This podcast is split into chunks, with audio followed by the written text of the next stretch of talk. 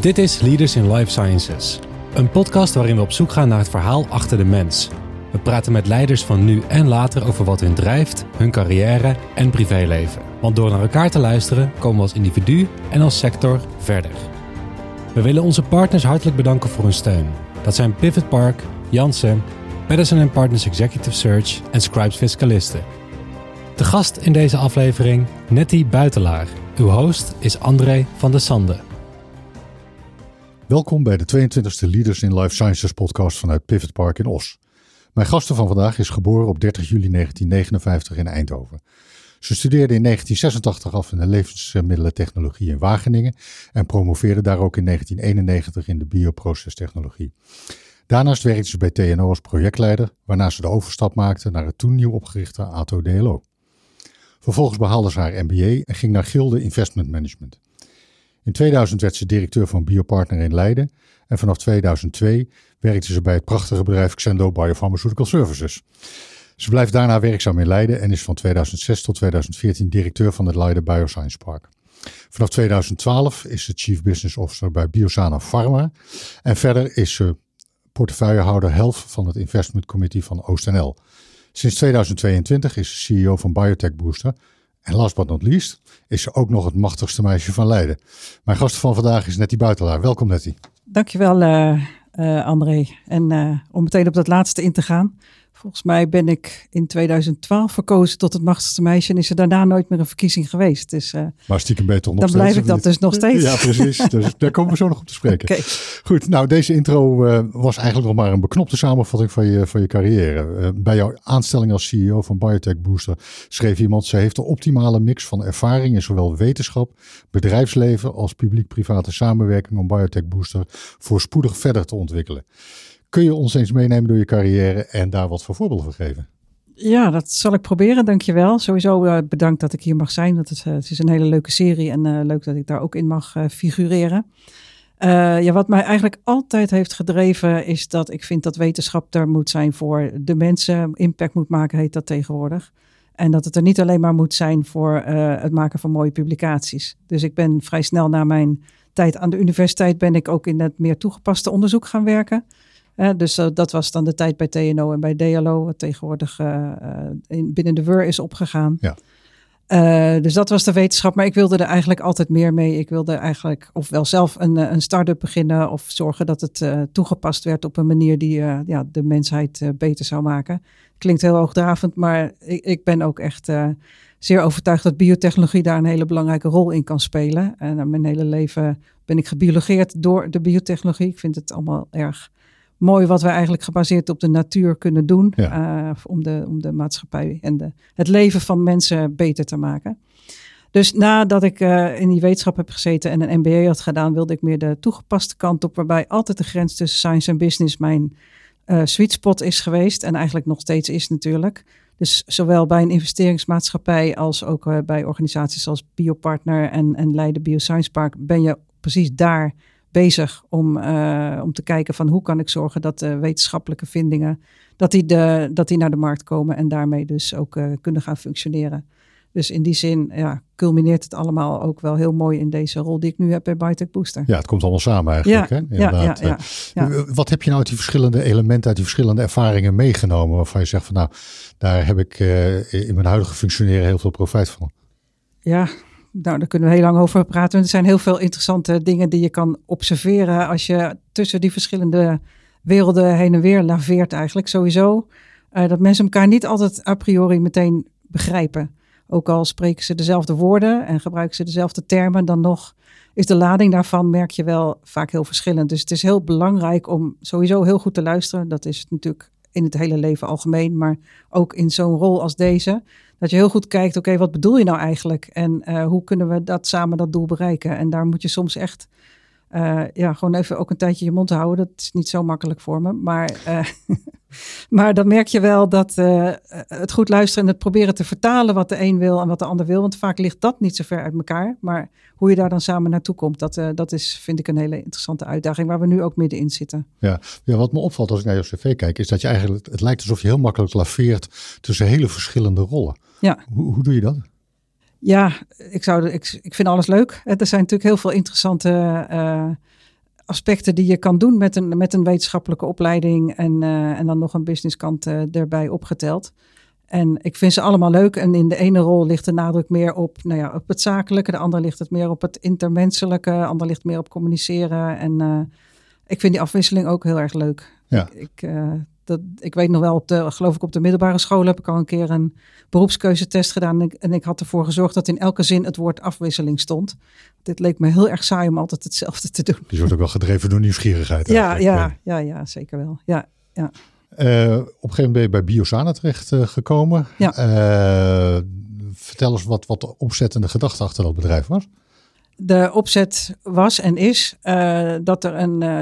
het gaat om de productie van monoclonale antilichamen, therapeutische. En dat is een heel duur proces, heel ingewikkeld proces. En de oprichter van Biosana Pharma, dat is Art Thijsterman, die had een proces bedacht waarmee dat op een continue manier kon. Waardoor je de cost of goods van die monoclonale antilichamen enorm naar beneden kon krijgen. En onze filosofie was en is ook dat uh, dat zeker belangrijk gaat worden voor de markt van de biosimilars. Hè, dus de van patent afzijnde biologics, uh, die toen ongeveer open zou gaan, inmiddels open is. Ja, ja ik las ergens dat je een 90% reductie van je cost of goods kon bereiken met dat proces. Ja. Ja, dat kan. Dat is fors. Ja, ja, dat is zeker fors. En uh, met name voor de biosimilars. Hè, want voor uh, nieuwe innovatieve monoclonale is de cost of goods maar zo'n klein deel van de totale prijs. Daar, daar malen ze niet zo om in de praktijk. Maar bij biosimilars, daar was onze filosofie, en ook dat is die nog steeds, dat die markt zich zal ontwikkelen als de generieke markt. En dan moet je dus goede kwaliteit kunnen produceren voor zo laag mogelijke kosten om te overleven in die markt. Ja, ja. En vertaalt zich dat dan ook door naar een lagere prijs voor de patiënt? Dat is natuurlijk uiteindelijk de bedoeling. Ja. En daar is de biosimilars markt nu nog niet. Daar wordt nog best wel um, gematigd uh, kosten gereduceerd. Maar dat gaat natuurlijk wel gebeuren. Ja, alle de generieke inderdaad. Ja, dat zien we wel. Ja. Uh, dat is wel het voorland. Ja, ja oké. Okay. Uh, nou kun je dat niet alleen. Je doet dat met, met partners natuurlijk. jullie waren bijna een virtueel bedrijf, als ik het goed begrepen heb. In, in het begin. In het begin, ja, oké. Okay. En uiteindelijk heb je er partners bij gevonden en gezocht. Ja, nou ja, in de biotech uh, werk je altijd met partners. Dus we waren zeker in het begin een virtueel bedrijf, want we waren met z'n vieren, waarvan de eentje in Australië woont. In het begin twee. Dus dan, ja, waar moet je je kantoor hebben? Dat, uh, dat was sowieso niet op te lossen. En toen we personeel gingen aannemen, dat was uh, februari 2020, ongeveer drie weken voordat corona uitbrak in Nederland. Toen, hebben we, toen hadden we echt een kantoor. Dus zijn we wat minder virtueel geweest. Maar natuurlijk blijf je virtueel en werk je ook met sowieso met heel veel externe partijen die je voor bepaalde klussen inhuurt. Ja. En dat werkt heel goed, heel efficiënt, heel ja. prettig. Ja. Oké, okay, en je had ja. natuurlijk die ervaring ook opgedaan bij Xendo, hoe dat werkt. Ja, zeker. Hè? Dat, uh, toen zaten we aan de andere kant. Aan de andere kant van de tafel, inderdaad. ja, um, er is een partner gevonden ook. Jullie hebben het uit kunnen licenseren, heb ik begrepen, de technologie. Het product. Het product. Dat, uh, ja. Je hebt het over Alphatech, denk ik. Ja, precies. Ja. ja. Ja, daar, die, uh, die hebben zelf een portefeuille van biosimilars en die wilden graag onze, onze biosimilar daarbij hebben. Dus daar hebben we toen een contract voor afgesloten. Ja. Oké, okay, mooi. Ja. Uh, goed, we hadden het al even over Biotech Booster. Daar gaan we het uiteraard wat uitgebreider over hebben, want dat is uh, het meest recente ja. wat, je, wat je doet op het ogenblik. Ja. Uh, voor degenen die niet helemaal thuis zijn in, in deze wereld, wat is Biotech Booster? Biotech Booster is een, een project van het Nationale Groeifonds. En ook dat weet misschien niet iedereen wat dat is, maar dat is een pot van 20 miljard euro die begonnen is onder de naam het Wopke Wiebesfonds. Wopke Wiebesfonds, ja, precies. Uh, dus het vorige, de vorige, voorvorige regering, die heeft uh, daar dat geld opzij gezet om te zorgen voor technologieën waarmee Nederland in de toekomst zijn geld kan verdienen. En uh, gedurende vijf jaar zijn daar calls for proposals. En in het tweede jaar is Biotech Booster ingediend door een heel consortium onder leiding van Holland Bio en de VU in die tijd. En dat is goedgekeurd en dat zijn wij nu aan het proberen in te vullen. En de doelstelling is met name uh, heel erg passend bij mijn missie. Om te zorgen dat vindingen uit de biotechnologie de mensen beter bereiken. Sneller en efficiënter naar de markt gaan. Ja, en daar hebben jullie in twee stappen een fonds voor uh, te beschikking gekregen van 250 miljoen euro. Ja. Uh, hoe pak je dat dan aan vervolgens? Ja, nou dat geld hebben we voorlopig nog niet. Daar zijn we nog mee bezig. Um, hoe we dat aanpakken is dat we uh, zo'n voorstel, dat is een heel lijvig document. Een propositieformulier heet dat in dit geval. Waar al heel wat werkwijzen in staan op, uh, in grote lijnen. En die zijn we nu eigenlijk allemaal aan het uitwerken. Samen met ons, uh, ons noem het maar, moederministerie OCMW. Ja. Die heeft het formeel ingediend. Uh, dus we moeten kijken, nou ja, we moeten natuurlijk alles netjes volgens de regels doen, maar we willen ook juist de dingen openbreken, anders dan hoe het nu gaat, want anders is het gewoon meer van hetzelfde en daar is het groeifonds niet voor. Dus uh, we zijn heel erg in samenspraak met allerlei partijen, zoals uh, Technology Transfer Offices, maar ook hogescholen zijn ook heel belangrijke partijbedrijven. Uh, en natuurlijk de overheden om te kijken van nou oké, hoe kunnen we binnen alle randvoorwaarden die er zijn, zorgen dat we dit systeem kunnen optimaliseren, zodat er ook veel meer van de biotech uh, sneller naar de markt komt. Ja, oké. Nou is Nederland een hoogtechnologisch land. Waarom hebben we dit überhaupt nodig? Ja, uh, het is eigenlijk gebaseerd op, een, op, een, op wat onderzoeken die er zijn. Nederland heeft heel veel wetenschaps, daar doen we hartstikke goed mee. Uh, Nederland heeft ook veel patenten, doen we ook nog leuk mee. Maar als je dan kijkt wat er gebeurt dan, met uh, ja, die, die ja. stap daarna. En dat is natuurlijk eigenlijk al heel lang een issue. En dat is ook niet alleen in Nederland een issue. Maar daar kunnen we het gewoon beter doen. En dit is een van de stappen waarmee we dat willen proberen. Ja, en wat is dan precies het issue? Waarom slagen we daar niet in? Dat doorvertalen van patenten naar producten? Ja, dat is echt niet één ding. Dat is, ja, het klinkt een beetje flauw, maar dat is eigenlijk gewoon het systeem. Hoe, zijn we, hoe gaan we hiermee om? Hoe, hoe beschermen we kennis? Hoe onderhandelen we over kennis? Uh, wat is de positie van onderzoekers, de positie van de technology transfer officers of van bedrijven? Uh, het is een heel complex systeem. Uh, maar ook wel um, bij de wetenschappers zelf, of, de, of dat kunnen ook mensen in bedrijven zijn overigens, dat die niet altijd op het netvlies hebben dat hun vinding ook wel iets interessants voor de markt zou kunnen zijn. daar komen wij nu ook, nu wij steeds bekender worden, komen wij ook wel voorbeelden van tegen dat mensen zeggen van ja, ik wil bijvoorbeeld als promovendus zou ik best wel mijn vinding willen commercialiseren, maar uh, mijn hoogleraar vindt het niks. Die zegt, maar je hebt toch een publicatie, dus dat is voldoende. Terwijl dan begint het voor ons pas. En ja. dat zijn vaak toch dingen die, die best nuttig kunnen zijn. Ons focus ligt misschien iets meer op wetenschap dan op commercie.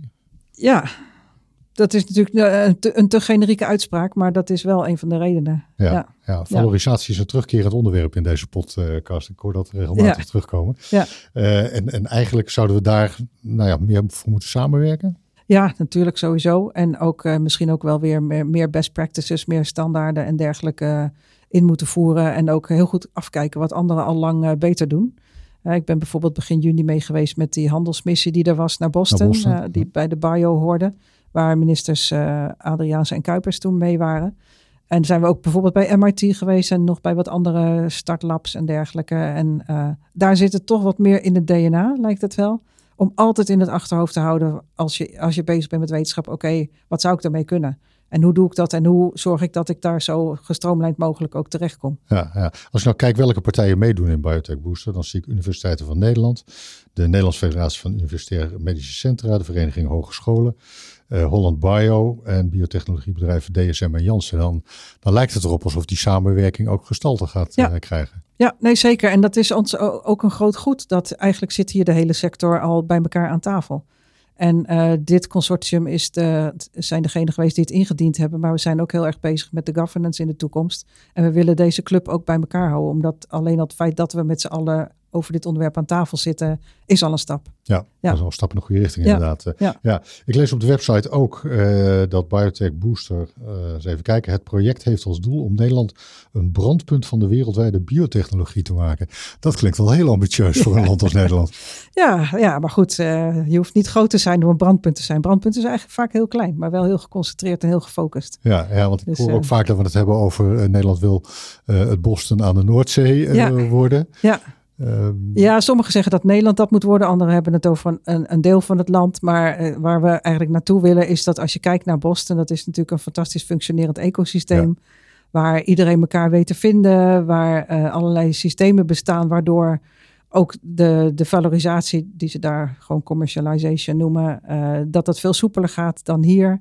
Veel vanzelfsprekender. En uh, als we dat voor elkaar zouden krijgen hier, dan, uh, dan zou ik me graag zo noemen. Ja, ja maar het ja. gaat er wel om, denk ik, dat Nederland een eigen propositie ontwikkelt. En dat we niet ja. een kopie van Boston in Europa nee, gaan worden. Nee, nee, nee, nee, zeker niet. Nee. Maar als we zo'n soort, zo'n naam kunnen krijgen als Boston in Amerika heeft in biotech, nou, dan zou ik wel apetot zijn. En de ingrediënten zijn ervoor aanwezig, of niet? Ja, we hebben goede wetenschappers, we hebben goede universiteiten, we hebben goede faciliteiten. Dus ja, uh, ja de basis is er zeker. Goede infrastructuur natuurlijk. Goede infrastructuur. Ja, oké. Okay. Ja, ja. uh, wat ik ook op de website uh, lees, is dat Biotech Booster doet dit door systeemfalen in valorisatie en marktfalen in financiering aan te pakken. Dat is ook een hele mond vol. Ja. Kun, kun je dat toelichten? Nou ja, in de praktijk wat we gaan doen is dat we dus uh, mensen en geld extra ter beschikking stellen om dit hele valorisatieproces te intensiveren en uh, te versnellen. Uh, dus we, we gaan business developers aanstellen bij de diverse hogescholen en universiteiten, die zich dan met name richten op de biotechnologie in de hele vroege fase. En we hebben veel geld dat we dus ook in een vroegere fase dan tot nu toe gebruikelijk al kunnen inzetten om te zorgen dat de proposities uh, beter onderbouwd worden en ja. doorgedacht worden. Ja. ja. Het begon in 2022, zei ik net al in de, in de intro. Uh, op de website staat ook 2022 en 2023 is de opbouwfase. Ja. En daarna komt de implementatiefase. Daar zitten we dus nu al dichtbij. Of... Nee, het is iets beter dan wat je zegt, gelukkig. Uh, de, tot en met 2023 hebben we de opbouw en de implementatiefase. En vanaf 2024 willen we echt in de uitvoerfase zitten. Uh, daar moeten we nog heel wat hobbels voor nemen, maar daar werken we nu met z'n allen heel hard aan. Dus dat, we echt, dat het programma echt kan gaan lopen vanaf januari ja, 24. Okay. Ja. Okay. ja. En, en welke stappen moeten daar nog gezet worden dan? Ja, dat, dat zijn gewoon hele basale dingen als het oprichten van, de, van een stichting, van een BV, instellen van een dat, dat soort zaken. Maar ook om met OCW bijvoorbeeld afspraken te maken over staatssteunregels. Hoe gaan we dat inregelen? Over onze eigen organisatie inrichten. Uh, hoe, hoe zorgen wij dat we geld krijgen? Welke procedures gebruiken we? Hoe zorgen we dat het zo snel en zo efficiënt mogelijk gaat? Uh, dat is nog best een klus. Ja, ja. dat kan ik me voorstellen inderdaad. Ja. Um, ik zei het eigenlijk in het begin al een beetje, toen hadden we het over het machtigste meisje van, uh, van Leiden. En je kwam er zelf ook meteen op, uh, op terug. Je bent nogal wat keren onder, uh, onderscheiden in je, in je leven. Dat, dat hoor je niet vaak. Ik, ik, heb, ik heb denk ik een snapshot bij elkaar kunnen vinden, maar misschien zijn het er nog wel meer. maar even kijken, het gaat over de Menses Award als Best Business Park in 2009. jouw MBA-opleiding heb je gewonnen. Uh, dankzij Weekblad Intermediair, die uh, dat organiseerde voor vrouwelijke ingenieurs met ambitie. Dat heb je gewonnen en toen kreeg je de MBA-cursus aangeboden. Uh, door de gemeente of door de provincie Zuid-Holland heb je de Gouden Lis ontvangen vanwege de grote verdiensten voor de kenniseconomie in Zuid-Holland. je hebt de eerste Roland Lagerveen Award bij Holland Bio gewonnen. En je bent dus het machtigste meisje van Leiden. Ja. Wat, wat doe je daar allemaal voor om dit te krijgen? nou, niet zoveel. Nou, tenminste, ik doe wel, maar ik doe gewoon mijn werk. En uh, ja, ik uh, probeer dat zo goed mogelijk te doen. En uh, met veel enthousiasme. Ja. Dat is natuurlijk altijd wel belangrijk. En ik ben wel een, een verbinder. Hè? Dus ik, ik probeer ook alle partijen bij elkaar te krijgen. En dat is natuurlijk in al deze dingen eigenlijk vaak wel belangrijk. Ja, en blijkbaar werkt dat enthousiasme aanstekelijk. Ja, dat hoop ik. Ja, ja. ben, ben, je zelf een, een rolmodel voor vrouwen in, in de biotechnologie of in technologie in de brede zin? nou, dat is niet bewust een doelstelling van mij. Maar ik merk wel dat ik dat wel ben. En uh, dan, dan ben ik dat ook graag. Uh, aan de ene kant. Aan de andere kant zie ik wel dat het eigenlijk steeds minder nodig is.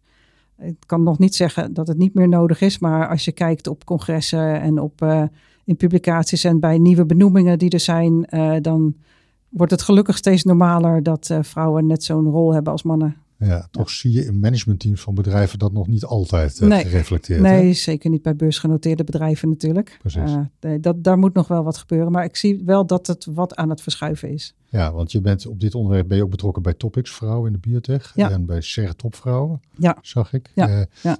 Welke rol probeer je daarin te spelen en waarom doe je dat? Ja, bij Topvrouwen, toen dat werd opgericht, daar ben ik door iemand in, uh, in de database gezet. Ik heb geen idee wie, maar daar, dus daar zit ik, ben ik gewoon als, als lid. Dus ga ik af en toe naar bijeenkomsten. En bij Topics, dat is natuurlijk opgezet door uh, Hyphen Projects. En uh, ik vond het een mooie doelstelling. En ik ben daarbij betrokken in de rol als ambassadeur.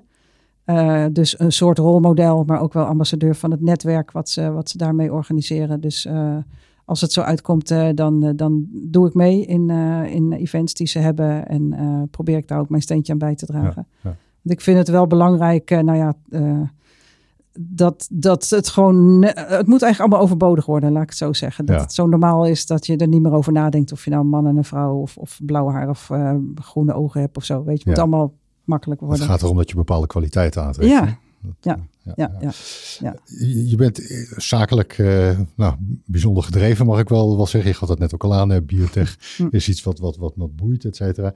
Uh, maar in je privéleven ben je dat ook volgens mij. Uh, zie, ja, als, als ik met je praat, hoor ik dezelfde gedrevenheid daar. je bent fanatiek sporter volgens mij. Ja, nou ja, niet zoveel als ik zou willen, want daar heb je toch tijd voor nodig. Maar ik, ik doe sinds nou, misschien een jaar of acht of zo, probeer ik drie keer per week te bootcampen.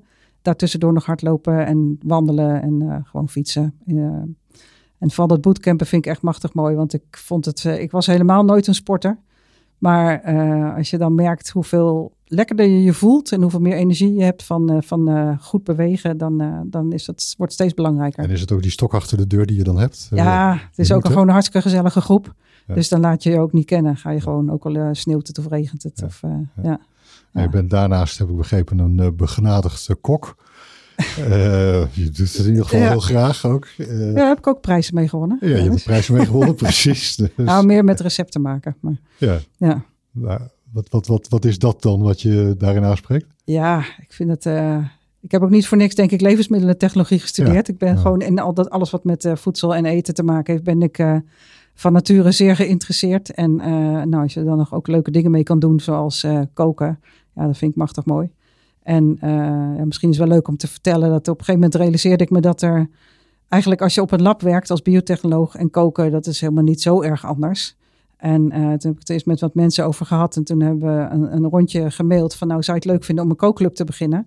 En die bestaat uh, al ongeveer twintig jaar. We hebben een biotechnologen kookclub opgericht. Ja, want die heet Science and Cooking. Heet nu die, heet die Science and Cooking, ja zeker. Want uh, nou ja, het zijn allemaal wetenschappers, allemaal biotechnologen die daarin zitten. Dus vaak hebben we het daar ook over. En het is ook sowieso natuurlijk gewoon een leuke netwerkclub. Dus we een keer of zes per jaar ja. doen we zo moeilijk mogelijk koken. Ik wou zeggen, ook het koken benader je dus wetenschappelijk. Oké, okay, mooi. Ja. Uh, je bent getrouwd al, al, al, vrij lang, volgens mij. Nee, ik ben niet getrouwd. Oh, je bent niet getrouwd, je hebt een partner al vrij lang. Oké. Okay. Ja, zeker. Met uh, ja, en, Henry van der Valk heet hij. we kennen elkaar van de studentenflat, van de gang op de studentenflat. Dus, Klassiek verhaal. Ja, zeker. En ja, is niet overgegaan. Dus, en al 45 jaar. bijna. Ik. Ja, bijna. Ja. Klinkt wel heel erg lang. Ja, dat is ja. het ook. Jullie hebben twee kinderen. Ja, die zijn al uit huis inmiddels. Treden die in jouw voetsporen? Eentje wel. mijn zoon die werkt bij, inmiddels bij Kemper van Landschot op de M&A-afdeling in de biotechnologie bij Jan de Kerpel. Vindt het daar leuk. En mijn dochter, die lijkt eigenlijk meer op mij qua karakter. Maar die werkt uh, momenteel op de inkoop uh, bij de Bijenkorf. Dus dat is een, een heel andere tak van sport. Ja. ja. En die is erg begaan met, met mode en dat soort zaken, ja. begrijp ik van je? Ja. Ja, nou, er zit ook al. iets creatiefs in. Hè? Ja, nee, absoluut. Ja, ja, ja, okay. ja. Even, even terug naar, naar je professionele carrière. je bent een tijd directeur geweest van het Science Park in Leiden. Ja. Uh, we zijn hier vandaag te gast op het Pivot Park in, uh, in Os. Ja. Uh, beide parken groeien enorm. Wat, wat is daar de verklaring voor volgens jou? Ja, ik weet nog toen ik begon in Leiden, toen waren er natuurlijk al wel een paar science parken, maar ook Leiden zelf was gewoon alleen maar een plek. Het had niet echt een rol of een functie. En ja, ook de partijen die daar zaten hadden eigenlijk niet door dat, ze, dat hun buren ook heel interessante partners zouden kunnen zijn. Dus uh, in die tijd, uh, dus begin van deze eeuw zeg maar, toen zijn we echt begonnen om daar, uh, ja, om, om dat, ja, dat klinkt zo communicatietaal, maar om dat te laden. Hè, dat je niet, dat je met je, met je buren heel goed kan samenwerken, dat je daar echt veel meerwaarde aan kan ontlenen en dat je gewoon samen het bekende woord ecosysteem vormt. Ja. Waarmee je sterker bent uh, dan de som der delen. En dat, uh, en dat werkt in Leiden. En ook hier in het Pivot Park zie ik het ook fantastisch goed groeien. En eigenlijk is het bijna overal zo. Hè? De ruimtes ook die er zijn, die zijn bijna allemaal meteen vol. Ja. Dus het, is, het voorziet duidelijk in een hele behoefte. Waarbij ik ook wel denk dat het voorbeeld ook goed doet volgen. Hè? Dus als je dan ziet hoe leuk het hier is. En in Leiden en op alle andere plekken in Nederland waar ook science parken zijn. Ja. Dan, daar wil je bij horen. Ja. Ja. Hoe ondersteun je die bedrijven dan uh, vanuit je rol als directeur van de Science Park? Ja, uh, dat heb ik toch vooral toen wel op het communicatieve vlak ingevuld. Want uh, financieel was het natuurlijk helemaal niks te halen bij zo'n stichting die betaald werd door de overheden en door de bedrijven. dus da daar ging het helemaal niet om. Maar het ging juist om het, om het leggen van alle relaties. En ik weet nog toen ik begon in Leiden, dus 2005 ongeveer. Um, toen heb ik een rondje gemaakt langs de bedrijven op het Science Park. Van, goh joh, we zijn er voor jullie, uh, zeg maar, wat, waar jullie behoefte aan hebben. En toen was ook al het verhaal van, ja, we, kunnen geen, we hebben behoefte aan goed personeel. Dus wij hebben een HR-middag georganiseerd toen. En toen ging iedereen zich aan elkaar voorstellen, tot mijn verbazing. Dus alle HR-managers, die zagen, die kenden elkaar niet. Kennen elkaar niet, oké. En nou ja, in de loop van de tijd, en dat, dat is nu al, alleen maar verbeterd tot nu toe nog steeds uh, wordt daar veel meer samenwerking gezocht. En uh, ja, soms heb je zelf even wat minder mensen nodig en anderen iets meer. Nou ja, dat je daar flexibele vormen voor kunt vinden en dat je elkaar helpt in plaats van elkaar alleen maar als concurrent ziet. Ja. En daar kan je heel veel mee winnen. Ja, het vinden van goede mensen is nog steeds een probleem. Hè? Doen we wel voldoende aan opleiding in Nederland? Uh, nou, nee. in de techniek niet natuurlijk. maar dat is niet alleen in de biotechnologie een probleem. Het is ook een demografisch probleem algemeen natuurlijk. Maar uh, ja, je hebt niet voor niks vroeger het platform beta techniek gehad. En uh, er komen wel weer vergelijkbare initiatieven aan volgens mij.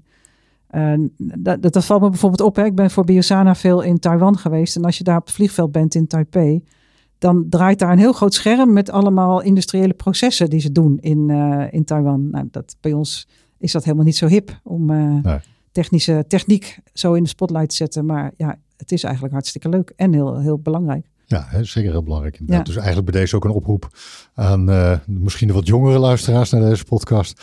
Om daar toch wat meer op precies ja. gaat de techniek in. Ja, het is hartstikke leuk. Ja, ja, ja. en in deze sector kun je natuurlijk een hele directe bijdrage leveren aan de bevordering van de gezondheid. Ja, zeker. Ja, zowel ja, biotechnologie is natuurlijk uh, niet alleen gericht op, uh, op medicijnen, maar natuurlijk ook landbouw en ook uh, industrial biotech. Dus chemicaliën, milieu, maar het heeft allemaal met de, het welzijn van de mensen te maken. Ja. ja. Uh, nou kennen wij elkaar al wat langer, ja. uh, net hier. We zijn elkaar al een paar keer tegengekomen in onze professionele carrière. Bij Xendo hebben we elkaar net gemist. Ja. Uh, maar in Leiden zijn we elkaar een paar keer tegengekomen. En ook bij de integratie van Niaba en Biofarmint. Ja. Hebben we eigenlijk het begin hebben gestaan van, van, van Holland Bio. Ja. hoe heb jij die, die, dat, dat samen gaan ervaren en hoe kijk je daar nu tegenaan? Het was iets wat ik altijd al uh, wel belangrijk vond. De, omdat het toch altijd een beetje onduidelijk was wie doet nou wat en uh, waar hoor je nou bij als bedrijf. En als je een, een, een uh, belangenbehartigende organisatie bent, dan moet je met één stem spreken. En, dus ik, ik ben heel erg tevreden over hoe het nu is geworden. We hebben toen wel best wel heel wat hobbeltjes moeten nemen vanuit de verschillende achtergronden. En dat is ook logisch. maar als ik zie hoe Holland Bio nu draait, dan ben, kan ik daar alleen maar heel tevreden op terugkijken. Dus ja. goed gegaan. Ja, het was een veel gehoord punt van kritiek destijds, ook vanuit de politiek. Ze zeggen van nou, als we bij Big Pharma moeten zijn, dan weten we over welke deur we moeten kloppen. Maar als we uh, contact met biotech willen, dan is dat een stuk lastiger. En dat kwam voor een deel door die versplintering uh, des, destijds. En, en, dat is voorbij. En dat is voorbij, inderdaad. Zeker nog, het is inmiddels een vereniging van, ik geloof, meer dan 250 ledenbedrijven. Dus dat is inderdaad ja, als kool gegroeid. En het laat ook zien wat er in dit wereldje gebeurt. Hè? Want welke mooie dingen er ook gebeuren. Ja, plus dat het ook nu echt een gerespecteerde gesprekspartner is. Hè? Die wordt uitgenodigd. Uh, dus dat is uh, prachtig. Goede stap in, uh, in, de goede richting inderdaad. als je nou op jouw prachtige lange carrière terugkijkt, wat, wat, wat, zijn dan voor jou de lessons learned? Wat, wat zou jij anderen mee willen geven? Zeg van nou, als ik terugblik, dan had ik dat en dat misschien wel anders gedaan. Of daar ben ik al een keer de fout in gegaan. Oei. ja, wat ik altijd belangrijk vind is dat je niet blijft hangen als je ergens niet happy bent. Dus of dat een fout is, weet ik niet. Maar op, op een gegeven moment, ik heb best wel veel carrière switches gemaakt of switches van banen. Uh, en eigenlijk was het daarna altijd ook wel weer leuk. Dus uh, soms ga je weg omdat je een mooie kans ziet ergens anders, maar soms ga je ook weg omdat je niet meer happy bent waar je zit. Uh, daar, daar, moet je gewoon vrij vlot in zijn, vind ik. Dan, je, kan, je ziet ook wel mensen die soms te lang blijven zitten en dan niet meer happy zijn. Ja. Maar een stap naar buiten is vaak nou ja, letterlijk blikverruimend. En daar kom je haast altijd wel beter uit. Ja, je moet je laten drijven door je passie en uh, in ieder geval niet door financiële motieven, denk ik. Ja, financiële of, of door angst, hè, dat je iets, eh, iets onbekends gaat doen. Dat, ja. uh, dat is eigenlijk altijd juist wel leuk. Ja, nieuws. Ja. uit je comfortzone, dat is wel iets wat jou kenmerkt, denk ik. Ja, je moet wel blijven leren, anders dan uh, wordt het saai. Ja, is dat ook je drijfveer of niet? Ik denk het wel, ja. Een van de. Een van de drijfveren, ja. Oké. Okay. Ja. Je bent gaan studeren op enig moment. Is dat iets wat vanuit huis uit ook erg gestimuleerd werd? Het werd zeker gestimuleerd. Uh, ik kom nog uit de generatie dat mijn moeder moest stoppen met werken toen ze ging trouwen. En uh, mijn moeder was, was, en is nog uh, hartstikke slim. Dus dat is heel erg zonde. En ik denk ook dat hij, haar leven had er natuurlijk heel erg anders uitgezien als ze ook had kunnen blijven werken. ze heeft, nou ja, ik zeg het verkeerd. Ze heeft altijd heel hard gewerkt met vijf kinderen, maar niet betaald gewerkt. Nee. Dat vind ik ook altijd een verkeerde formulering. Maar ehm, ja, dus van ons uit werd dat altijd wel gezegd van uh, ja, wat je kan, dat, dat mag je gewoon gaan doen. Ja. En ik herinner me ook dat ik, ik ben met een andere studie begonnen in Wageningen. Dat heette toen huishoudwetenschappen, heet, het heet nu consumenten- en bedrijfswetenschappen, geloof ik. Ehm, en na twee jaar voelde ik me daar niet meer op mijn plek. Ik, het klinkt een beetje raar, maar ik vond het niet moeilijk genoeg. Dus ik wilde eigenlijk, ik wilde heel erg uitgedaagd worden. Ik dacht aan de universiteit moet het moeilijk zijn. En dus dan ben ik van studie veranderd naar levensmiddelentechnologie. En ik herinner me ook dat uh, dat, dat bij mijn ouders ook uh, ja, dat, dat volledig uh, ondersteunde. Dus daar was ik, ben ik heel blij mee geweest. een beetje verhaal, het typische verhaal van de naoorlogsgeneratie. Waarin vader ging werken, ja. voor de kinderen ja, zo. Ja. Eigenlijk hopen dat hun kinderen weer een volgende stap zouden kunnen, kunnen maken. Ja. Inderdaad. ja, maar dat is voor mij wel, dat sluit er nog wel weer even aan bij dat topics en dergelijke. Voor mij is het wel ontzettend belangrijk dat iedereen in zijn eigen levensonderhoud kan voorzien. Dus uh, mannen, vrouwen, maakt niet uit. Uh, daar moet je echt wel zelf het heft in handen nemen. Maak je niet afhankelijk van iemand anders. Exact, ja. ja. Oké. Ja. Um, we hadden het net al even over je vrije tijd ook. Uh, sport speelt een belangrijke rol. maar, maar je bent ook een liefhebber van, van films. ja. Vertel eens, wat, wat, wat... Ja, eigenlijk tijdens mijn studie al ging ik heel vaak naar de film. Sowieso, ik had een maatje met wie ik elke week ging. Nou ja, toen kwam er een MBA tussen en kindertjes en zo. Dus dan hou je er even een tijdje mee op. En nu kan het gelukkig weer. Dus nu ga ik elke week ook weer naar de film uh, in Wageningen, waar ik woon. Hebben we een sneak preview elke maandag. Dat je een onbekende film krijgt te zien. En soms is die verschrikkelijk en soms is die hartstikke leuk. En tussendoor ga ik ook nog wel andere keren. En dan vooral niet zo de blockbusters, maar meer de wat, ja, zeg in mijn woorden intelligentere films. Ja. Maar... En als die heel erg erg is, dan loop je gewoon weg, heb ik begrepen. Ja, dat heb ik wel een paar keer gedaan, ja. Ja, we hadden dezelfde film gezien toevallig. Ja. Everything Everywhere All at the Same Time. Ja. Ik ben blijven zitten, maar jij bent, uh, jij bent opgestapt. Ja, maar hij heeft wel veel Oscars veel gekregen. Oscars gewonnen, inderdaad. Het was ook best wel een bizarre film. Dat vond ik, dat vond ik eerlijk gezegd uh, ook. Oké, okay, we komen langzamerhand aan het eind van, uh, van de podcast, Nettie. nou ja, heel fijn dat je, dat je onze gast wilde zijn. Mijn laatste vraag voor iedere gast is altijd, heb je nog een slotboodschap? Iets wat je de luisteraars mee zou willen geven? Ja, klinkt een beetje afgezaagd misschien, maar blijf jezelf trouw. Hè? Ga niet uh, in een baan blijven of dingen doen die niet bij je passen. Uh, ook al uh, wordt dat van je verwacht. dus denk altijd goed na wat goed bij je past. Ja, daag jezelf uit als ik heel goed En begrepen. daag jezelf ook uit daarin. Ja, ja zeker. Oké, leuk. Ja. Goed, nou nogmaals leuk dat je hier wilde zijn. En mijn gesprekspartner van vandaag wilde zijn. En we gaan natuurlijk met belangstelling volgen hoe alles verder gaat met BioBooster. Dat gaan we ons best voor doen. Ja, dankjewel. Okay, dank je. Dit was Leaders in Life Sciences. Dank voor het luisteren. Vond je iets van deze aflevering? Wij horen graag jouw feedback. Wat houdt bijvoorbeeld jou bezig en over wie wil je meer horen?